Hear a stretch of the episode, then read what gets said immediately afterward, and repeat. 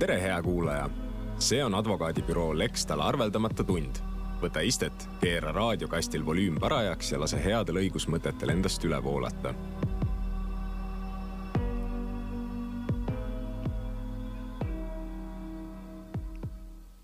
tervist, tere kuulama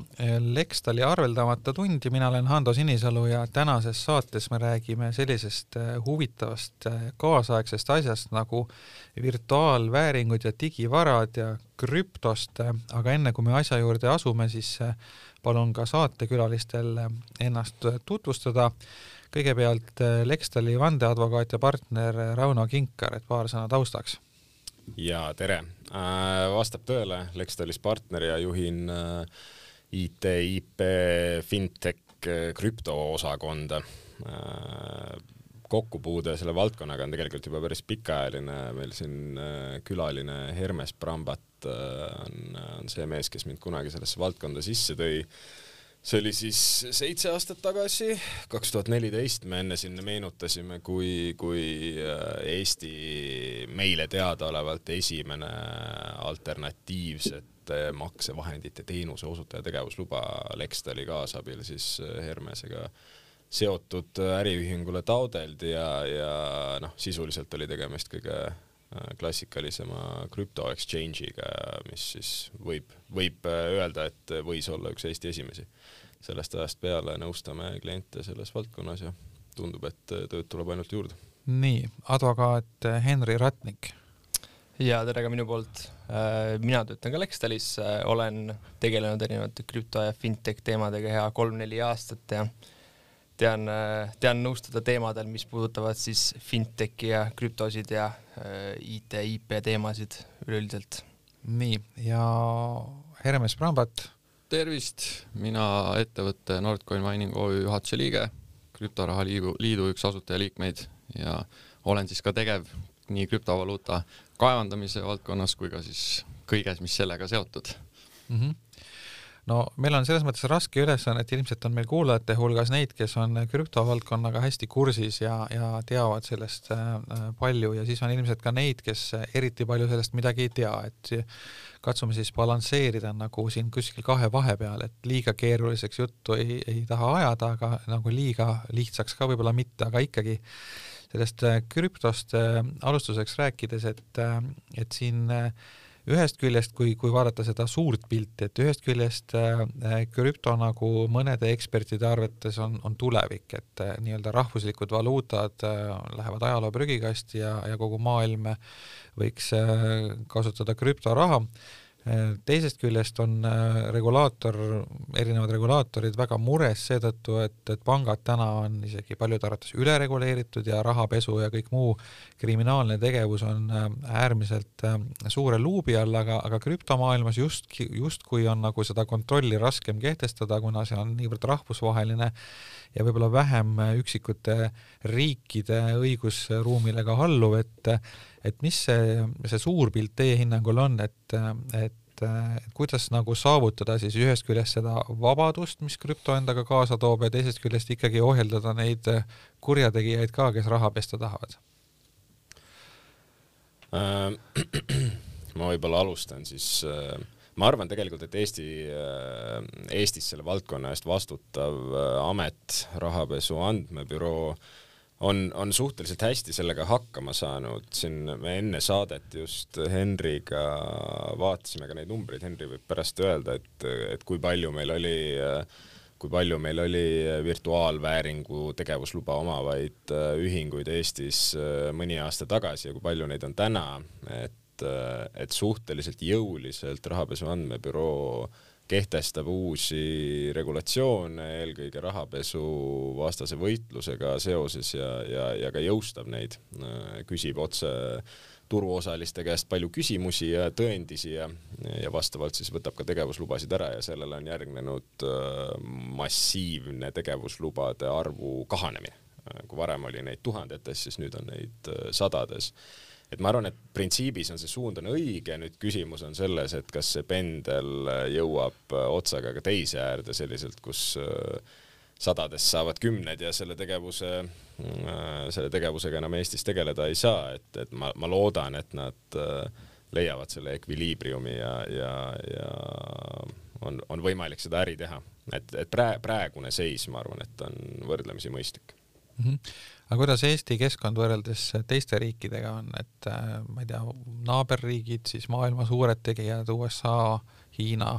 kuidas, kuidas see meie äh, regulatsioon äh, võrreldes nendega on? see olukord on huvitav, sellepärast et mõned aastad tagasi oli Eesti niisugune nagu krüptovarade sõbralik haven, võib öelda, et meil oli hästi palju lubasid, Raunoga enne arutasime, mingi hetk oli vist Eestis üle nelja tuhande virtuaalvääringu tegevusloa, mis lubab siis ettevõttel pidada seda krüptoplatvormi, kus saab siis ühte virtuaalvääringut teise vastu vahetada, näiteks Bitcoini, Ethereumi vastu, äh, Bitcoini raha vastu ja nii edasi, aga siis hakkasid, hakkas regulatsioon hästi karmiks minema. Mm, tulid nõuded eelmise aasta suvest, et juhatus peab asuma Eestis, peakontor peab olema Eestis, äh, peab olema äh, Euroopa Liidu, eks ole, siis makseasutuses konto ja nii edasi et kui võtta nagu seda arvesse, siis tegelikult äh, mitmel pool välismaal Euroopa Liidus on äh, nõuded äh, praegusega võrreldes lihtsamad. et kui Eestis on see, et selliseks tegevuseks peab olema tegevusluba, siis mõnes riigis näiteks tegevusluba ei pea üldse olema, mõnes riigis nõutakse lihtsalt seda, et peab olema registreering. Ja noh, samas mõned riigid, näiteks eks ole, äärmuslikud, võib-olla Hiina, nii edasi, on põhimõtteliselt peaaegu sellise tegevuse ära keelanud mm. -hmm. aga mis see tulevik on, et kas äh, see krüpto tuleviku osas ka noh, nii-öelda on väga erinevaid arvamusi, et mõni arvab, et see on üks suur, äh, suur mull, mis ühel hetkel lõh-, lõhkeb ja teised arvavad, et see ongi nagu tulevik, et et äh, noh, see Hiina näide tegelikult, kui Hiina selle ära keelab, Hiina on maailma majanduses ikkagi väga oluline tegija, et et võib-olla siis äh, teised järgivad ka tema eeskuju ühel hetkel või, või ei saa Hiinaga äri ajada, need riigid, kes krüptot lubavad või ma ei tea, mis iganes stsenaariumid seal võivad käivitada, et et mis need tuleviku väljavaated on ma arvan, et Hermes ongi hea inimene siin kommenteerima, keda väga vahetult see Hiina otsus mõjutanud on Ju,. just, et, et mina võib-olla nagu korraks liiguks selle eelmise punkti juurde tagasi, et et kui me nagu alustasime, noh, mina Eestis alustasin selle krüptoasjaga nagu kaks tuhat siis kaksteist, üksteist lõpp, kaksteist algus kuskil ja siis nagu Eesti õigusmaastikku me ka Raunoga seda teemat käsitlesime, siis Eesti oli ikkagi sel hetkel nagu üks väheseid kohti maailmas üldse, kus mingit sorti regulatsioon sellele tekkis, ehk siis teht, tekitati see virtuaalvääringu tegevusluba, mis andis sulle justkui õiguse, aga noh, see, sel hetkel ei saanud ei need ametkonnad ega turuosalised väga täpselt aru, mida see kõik veel tähendab. et, et mina olen, noh, huvitav on olnud olla selles protsessis nagu läbida seda protsessi algusest kuni tänaseni, kust me oleme jõudnud sellest, kus meil oli mingi, mingit sorti tegevusluba, millega täpselt keegi aru ei saanudki, mida üldse teha tohib ja mida, mida ei tohi ja mida kõik said, on ju, milles siis väljastatigi seal üle nelja tuhande viiesaja erineva tegevusloa või tähendab, üle, üle nelja tuhande viiesaja tegevusloa siis erinevatele turuosalistele ja nüüd me oleme jõudnud siis sinna, kus nendest nelja tuhande viiesajast on järel umbes nelisada viiskümmend suurusjärk ja Finantsinspektsioon regulatsioon on täna tegelikult öelnud, et kui, kui noh, selleks hetkeks, kui see, kui see regulatsioon või kui see järelevalve peaks siis Finantsinspektsiooni äh, alla minema, mitte enam rahapesu andmebüroo alla, siis nemad sooviksid seda vähendada veel kümne protsendi peale, et alles jääks sinna nelikümmend, viiskümmend tegevusluba, et noh, eks seda me nüüd näeme, kas see nagu reaalsuses niimoodi läheb, mina päris seda ei usu, et Finantsinspektsioon on ju teadaolevalt hästi konservatiivne asutus kõikide oma, oma lähenemiste poolest ja, ja et see, seda me veel nagu näeme, aga noh, mis puudutab nüüd seda tulevikku ja, ja seda Hiina olukorda hetkel, siis noh, mina kui on krüpto, krüptokaevanduse äh, omanik ja, ja vedaja, siis me, meile mõjus see nagu õudselt hästi, et sageli mingisugused negatiivsed tagasilöögid kuskil riigis või vallas võivad olla teisel pool maakera jälle just vastupidi, hästi positiivsed asjad, et et samamoodi Ameerikas, et tänaseks, tänaseks nüüd kolib kogu see Hiina kaevandusjõudlus, mis oli siis kuuskümmend protsenti umbes oli Hiinas, kogu Bitcoini näiteks äh, siis kaevandusvõimsusest ja see on nüüd täna kolimas kõik Euroopasse ja Ameerikasse. et ühelt poolt Hiinas äh, läks ettevõtjatele asi nagu keeruliseks, aga teistpidi Ameerikas ja Euroopas avanesid uued võimalused laienemiseks ja, ja selle valdkonna nagu edendamiseks. et sellist nagu noh, sellist, sellist nagu ärakeelamise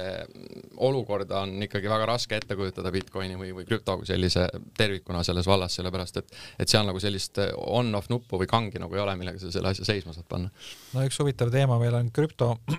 väärtus, et, et noh, kui kui nagu lihtsustada, siis kunagi maailma valuutasüsteemid olid, eks ole, kulla alusel ehk eh, sellist olukorda, et pank oleks eh, võinud hakata suvaliselt raha trükkima nagu ei saanud olla, sest see pidi olema millegagi kaetud, et noh, nüüd on meil olukord, kus nagu igaüks võib nii palju raha trükkida, kui, kui pähe tuleb ja see ilmselt ühel hetkel toob kohutava inflatsiooni endaga kaasa ja noh, siis krüpto nii-öelda toetajad ütlevad, aga krüpto puhul nagu, nagu seda raha, rahatrükki ei, ei saaks sellisel kujul olla, et see on ka ikkagi nagu nagu mingisuguse jääva väärtusega asi, et, et sellist, sellist keskpanga kohutavat raha, raha pritsimist ei saa siin olla, aga ometi, kui me nüüd vaatame seda krüpto hinda või siis tema suhet näiteks eurosse, või dollarisse, et siis see on kohutavalt äh, kõikuv, eks ole, et, et see allub samasugustele emotsioonidele nagu aktsiaturud, et et kui nüüd noh, mõelda nii, et aga see võiks olla mingi asi, mis on nagu mingisuguse kindla väärtuse või kindla alusega, siis ta küll käitub nagu kohutavalt närviliselt, et, et kuidas see nagu võimalik on, et et üks asi, mis võiks olla selline nagu kindel ja nagu lõpliku noh, nii-öelda lõpliku hulgaga, et seda ei saa nagu juurde teha lihtsalt niisama, aga tema väärtus nagu äh, nagu nii meeletult kõigub. no eks see taandub ka ikkagi sinna regulatsioonide valdkonda nagu lõpuks, et, et senikaua, kuni sellele turule omavad juurdepääsu kõik inimesed ja ettevõtted, kes seda vähegi lihtsalt teha tahavad või, või siis füüsiliselt ja tehniliselt suudavad, senikaua see asi ka nagu kõvasti kõigub ja kuni see, kuni see regulatsioonide maastik on nagu ikkagi niisugune wild, wild west tavalise inimese jaoks, siis noh, aktsiaturuga seda võrrelda on selles mõttes nagu kohatu, et aktsiaturule ligipääsu saamiseks peab inimene ikkagi eh, natukene rohkem eh, vaeva nägema ja natuke rohkem kontrolle läbima ja natuke rohkem olema siis nii-öelda fit selle tegevuse jaoks, et et krüptoturule saab ju ligipääsu igaüks ja, ja noh, näiteks viimasel ajal Elon Musk'i näite pealt on nagu hea võtta just seda, et, et kuidas inimene, kes noh, eks seda me keegi täpselt ei tea, mis seal taga on, aga nagu minu isiklik siseveendumus ja paljude nagu turuosaliste veendumus on veel, kui, kui sellise kaliibriga siis ettevõtjad tunnetavad seda võimu turu üle, ehk siis sa saad aru, et väga lihtsate tehingutega suudad sa turuhinda mõjutada seal kümne-kahekümne protsendi juures, siis paratamatult tekitab see ahvatluse teenida tohutuid kasumeid meid, äh, kasutades ära natukene oma, oma mõjuvõimu ja oma hääletuntust maailmas siis, ehk siis kui üks Twitteri tweet võib muuta sellise varaklassi hinda kümne protsendi võrra, siis loomulikult need inimesed saavad aru, et kui nad õiges suunas tweetivad ja, ja veel seda kauplemist seal võimendusega teevad, siis nad saavad sellega lihtsalt väga palju raha teenida. et selles mõttes see, see turg ongi nagu see, see turg täna veel reageerib hästi kaootiliselt igasugustele välismuutujatele, aga kuna see turg suureneb, selle mahud suurenevad, turuosalisi tuleb juurde ja need turuosalised muutuvad muutuvad järjest tõsiseltvõetavamaks, siis see pika perspektiivi peale peaks see volatiilsus ikkagi nagu vähenema tunduvalt ja, ja lõpuks peaks ikkagi olema nagu küpse varaklass siis nii-öelda, et, et, et sellist kõikumist enam ei tohiks. ja tegelikult, kui me, kui me ka vaatame ajaloolist äh, volatiilsust, siis on näha, et ta selgelt väheneb, väheneb ja, ja et see tähendab seda, et mida rohkem tavalisi inimesi äh, krüptot omab, seda väiksemaks muutub Muski-suguste mõju kuna ja mida, mida suurem on turg, seda väiksemaks ja. muutub ühe üksikosalise võim selle turu üle. et noh, täna, täna aktsiaturgudel mõjutada suuri aktsiaid või, või suuri indekse on ikkagi noh, väga-väga keeruline ja, ja see on ka reguleeritud seadustega, et sa ei tohi turumanipulatsiooni teha, mis on iseenesest nagu igati mõistlik ja kas krüptomanipulatsioon on lubatud, et selles mõttes nagu noh, äh, turumanipulatsioon aktsiaturgudel on keelatud, aga krüpto puhul siis nii-öelda Musk või ma ei tea, kes iganes Äh, suur investor võib, äh, võib mida iganes nagu välja öelda, et no, äh, päris, ütleme, võib-olla Rauno oskab seda nagu laiendada täpsemalt, aga ilmselgelt nagu päris niimoodi see ei ole, eriti Ameerikas, kus igasugused turu kuriteod ja, ja turu mõjutamised on vägagi nagu suure luubi all SEC-i, SEC-i jaoks, siis see, see, aga noh, ütleme laialdases mõistes ikkagi kindlasti on see kõvasti lihtsamini mõjutatav, kui seda on aktsiaturg, kus tegelikult asi on väga täpselt ära reglementeeritud, mis on lubatud, mis ei ole lubatud, kuidas mingeid asju tohib teha, kuidas ei tohi teha. et krüpto puhul paraku seda nagu niimoodi Äh,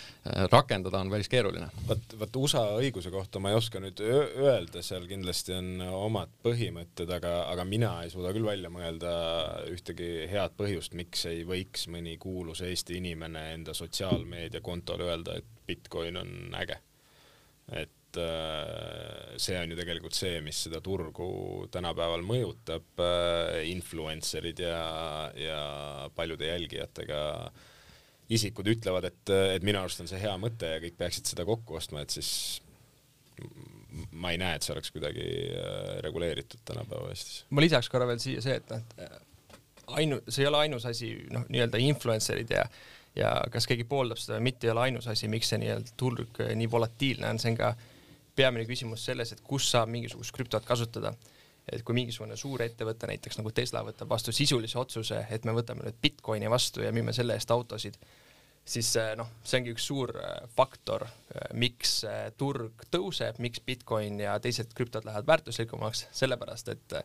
paljud ettevõtted hakkavad neid aktsepteerima, näiteks PayPal hakkab neid aktsepteerima, näiteks Tesla võtab, võtab neid vastu ja nii edasi. et see ongi, et see kasutus lihtsalt läheb suuremaks. ja tegelikult need ongi need äh, asjaolud, mis seda volatiilsust vähendavad, kui, kui Tesla seob Bitcoini hinna ära ühe autoga, siis on suhteliselt selge, mida peaks maksma üks Bitcoin. -hmm. ja mida rohkem on selliseid ettevõtteid ja mida suurema osa nendest tehingutest kujutavad need reaalsete likviidsete varadega seonduvad äh, ärid, siis seda, seda vähem volatiilsust seal on. aga see, see noh, tegelikult ju täna Bitcoin on ju vabalt kaubeldav, et selles mõttes kui Tesla, noh see näide tuues, et kui Tesla seda isegi vastu ei võtaks, ma saan ju oma Bitcoinid äh,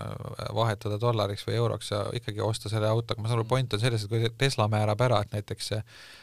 noh, umbe, umbkaudu näiteks mudel kolme hind on siis umbes üks Bitcoin, eks ole, mm. praegu viiskümmend tuhat äh, dollarit jah, et midagi sinnakanti on. et kui Tesla ütleb, et, et, et, et selle auto hind on üks Bitcoin ja, ja see on hinnakirjas kuskil kirjas ja siis nüüd see Bitcoini hind dollari suhtes kõigub, et siis tegelikult Tesla võtab endale sellega riski, eks ole mm et juhul, kui ta langeb oluliselt, siis ta tegelikult ju müüb siis seda autot nagu liiga odavalt ja kui see tõuseb, siis ta müüb seda nagu jällegi suurema marginaaliga. ka, selles on see point, eks ole. see on ka ühtlasi see probleem, miks nagu see võtab aega ja miks, miks suured ettevõtted ei sisene sellesse valdkonda nii kergekäeliselt, sest et ikkagi kõik tajuvad seda riski, selliseid käike nagu Elon Musk,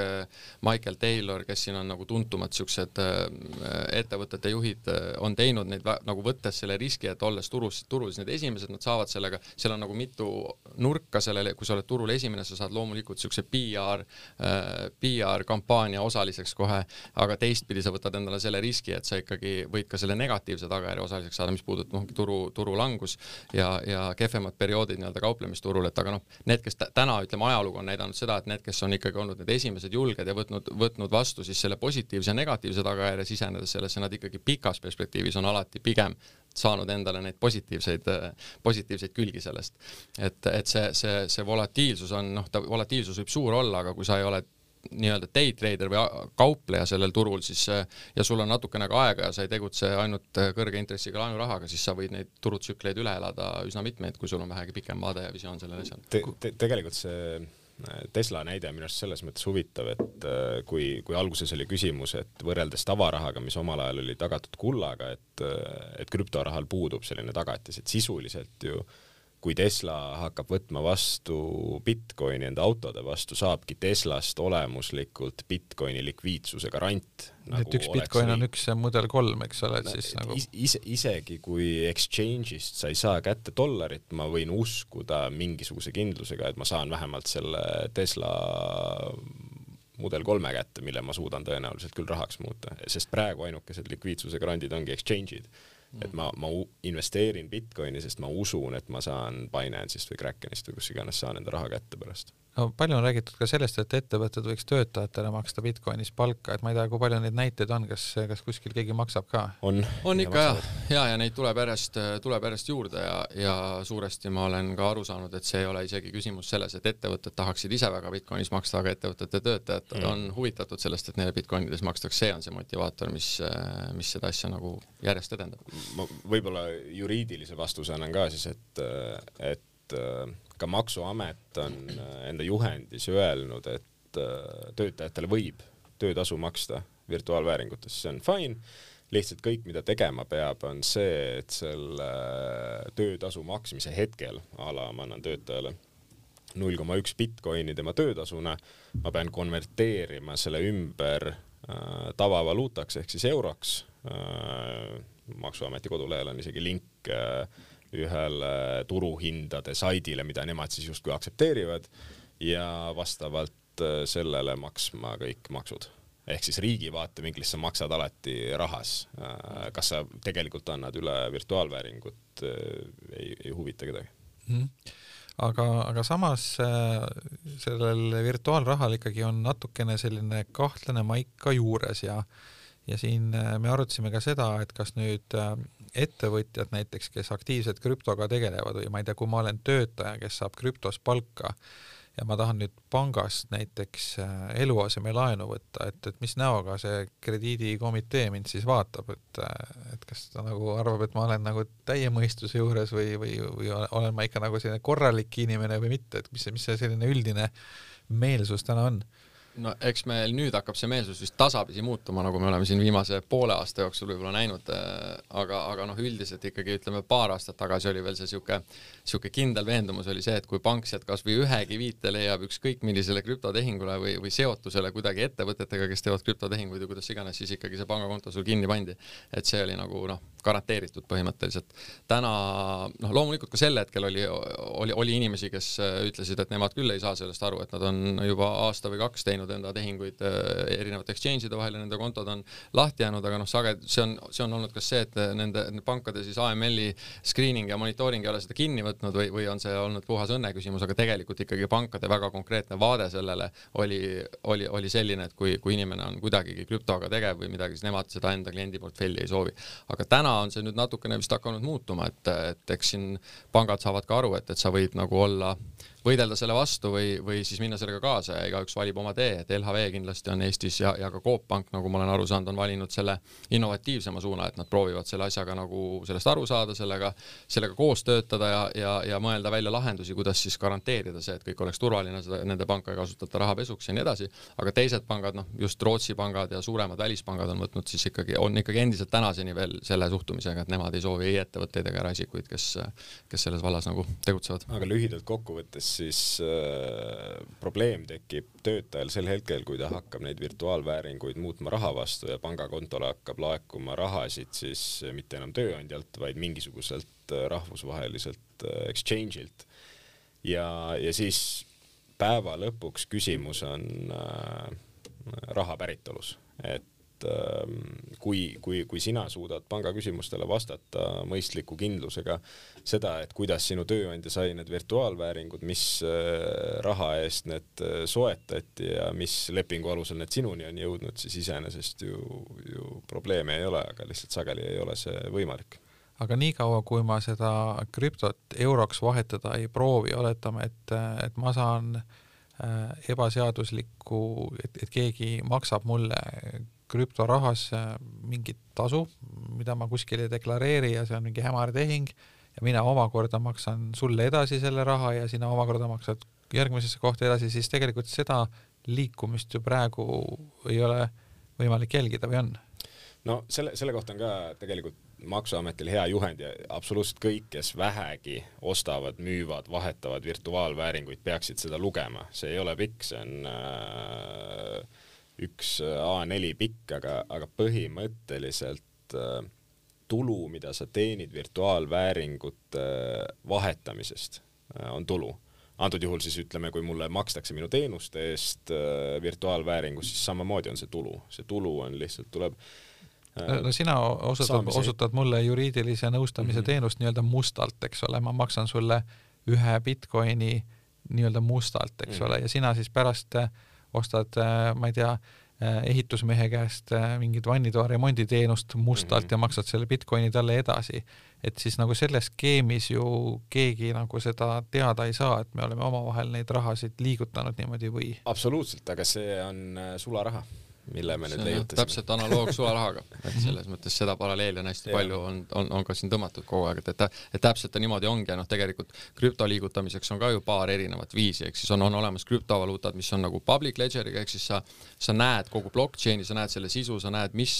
krüptovaluuta wallet'i, ühe, millisest krüptovaluuta wallet'ist millisesse krüptovaluuta wallet'isse, kui palju ja mis ajahetkel on krüptot liikunud, seda kõike on avalikult võimalik jälgida. loomulikult, kui sa nüüd ei, ei teadvusta seda, et minule kuulub sellise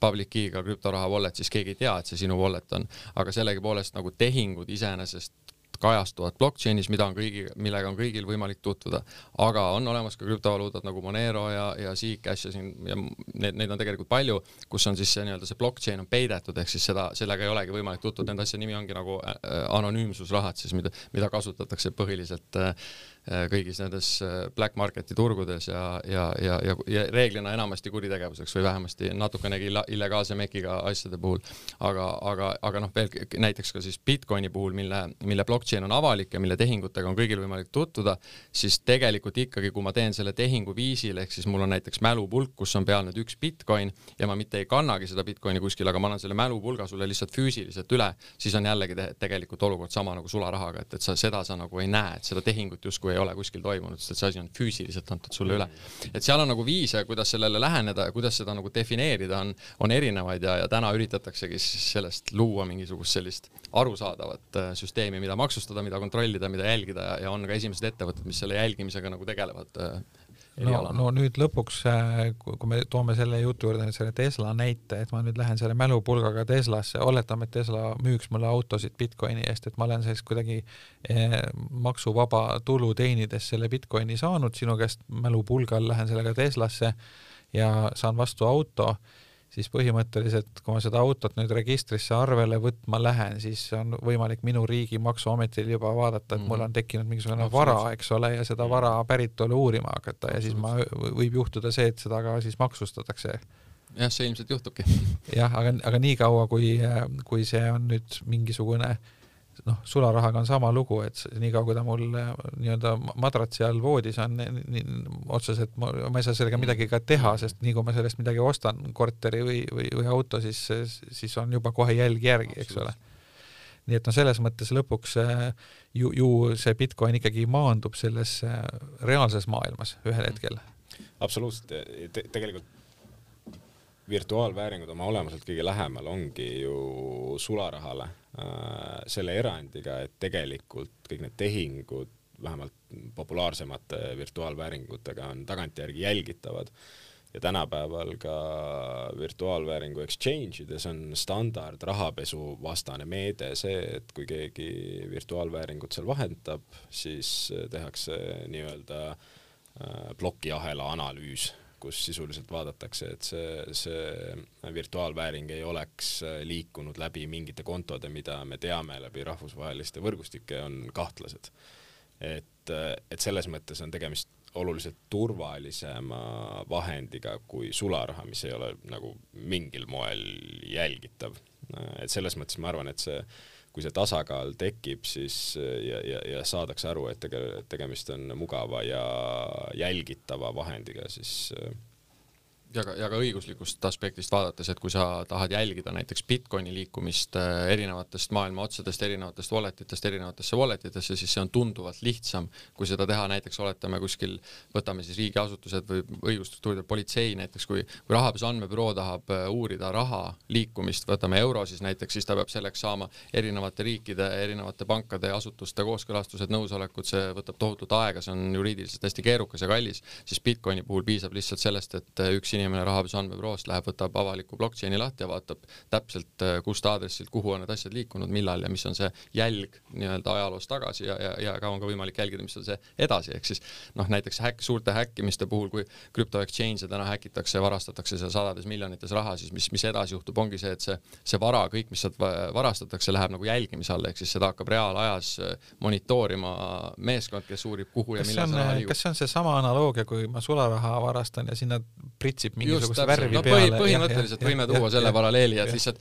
lihtsalt see sularaha sel juhul ei ole enam kasutatav, kui ta on pritsitud. krüpto on küll kasutatav, aga sellest väga suure tõenäosusega mingisugune hetk äh, koputab sulle ukse peale siis äh, keegi, kes tahab su käest küsimusi küsida, kust see raha tuli ja miks see sinu käes on. aga kui, kui näiteks äh, ma kõnnin tänaval, mul on taskus rahapakk ja mind röövitakse, ma näiteks varastatakse ära viiskümmend tuhat dollarit, eks ole, ma lähen politseisse ja ütlen, et viiskümmend tuhat dollarit on kadunud ja, ja nii edasi, nüüd kui mul on see mälupulk ühe, ühe Bitcoiniga taskus. mm, -hmm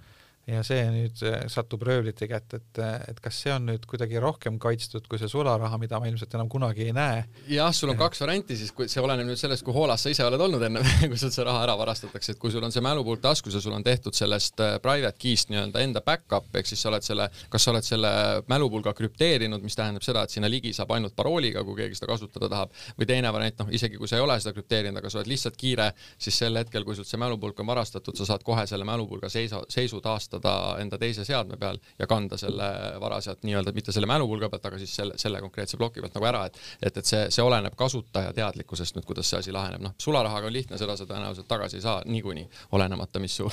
käigud sealt sellest edasi on, aga, aga krüpto puhul ikkagi on sul veel variante. Aga üldiselt keegi ikkagi mälupulk taskus ringi ei käi.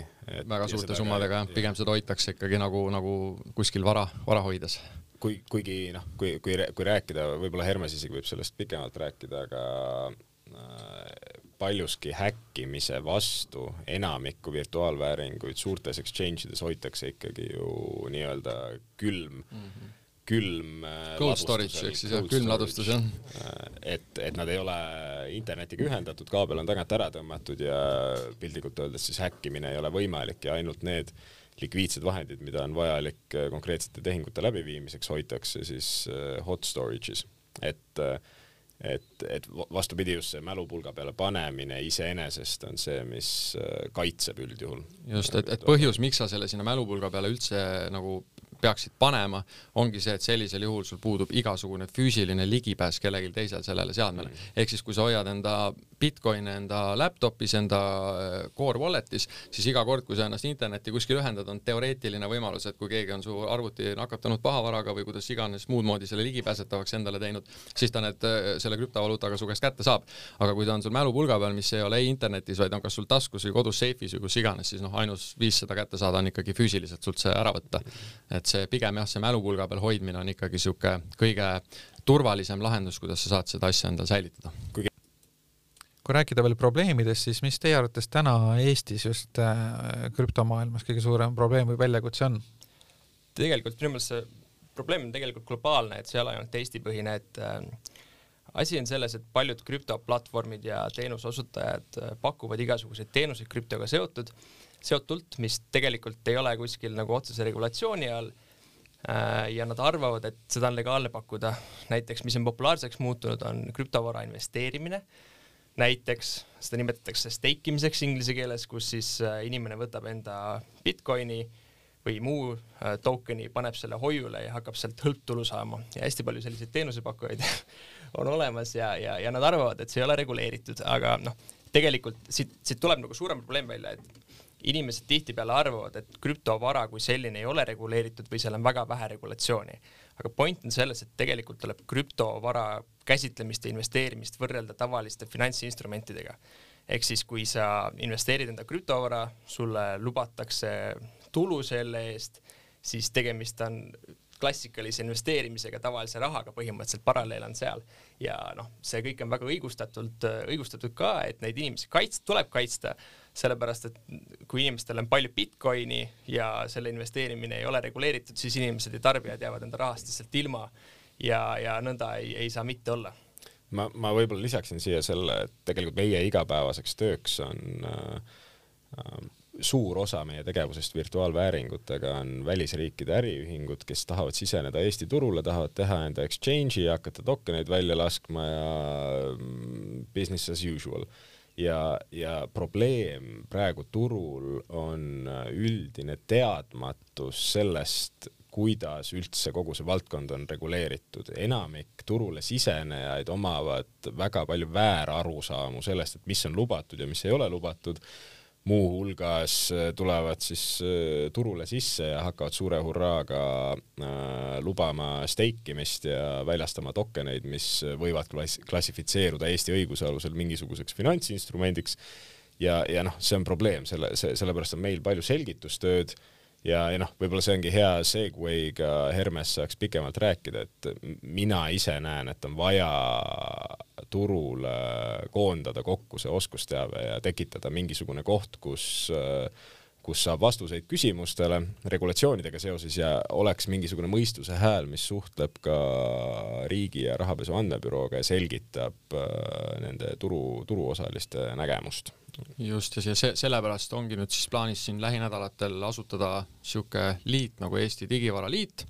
sinna alla me siis koondamegi erinevaid äh, ettevõtteid, äh, reeglina väljaspoolt äh, Euroopast Eestisse tulnud äh, suuremad ettevõtted, kes tahavad enda, enda krüptoturge avada või, või fonde asutada või mida iganes, mis Eesti regulatsioonides on, nende jaoks tundub mõistlik, siis meil nüüd ongi soov koondada need inimesed ühe nii-öelda katuse alla ja, ja koostöös Eesti juhtivate õigusbüroodega siis hakata looma niisugust natuke paremat õigusselgust ja, ja platvormi nendele, et, et enda äri ja, ja tegevust Eestis alustada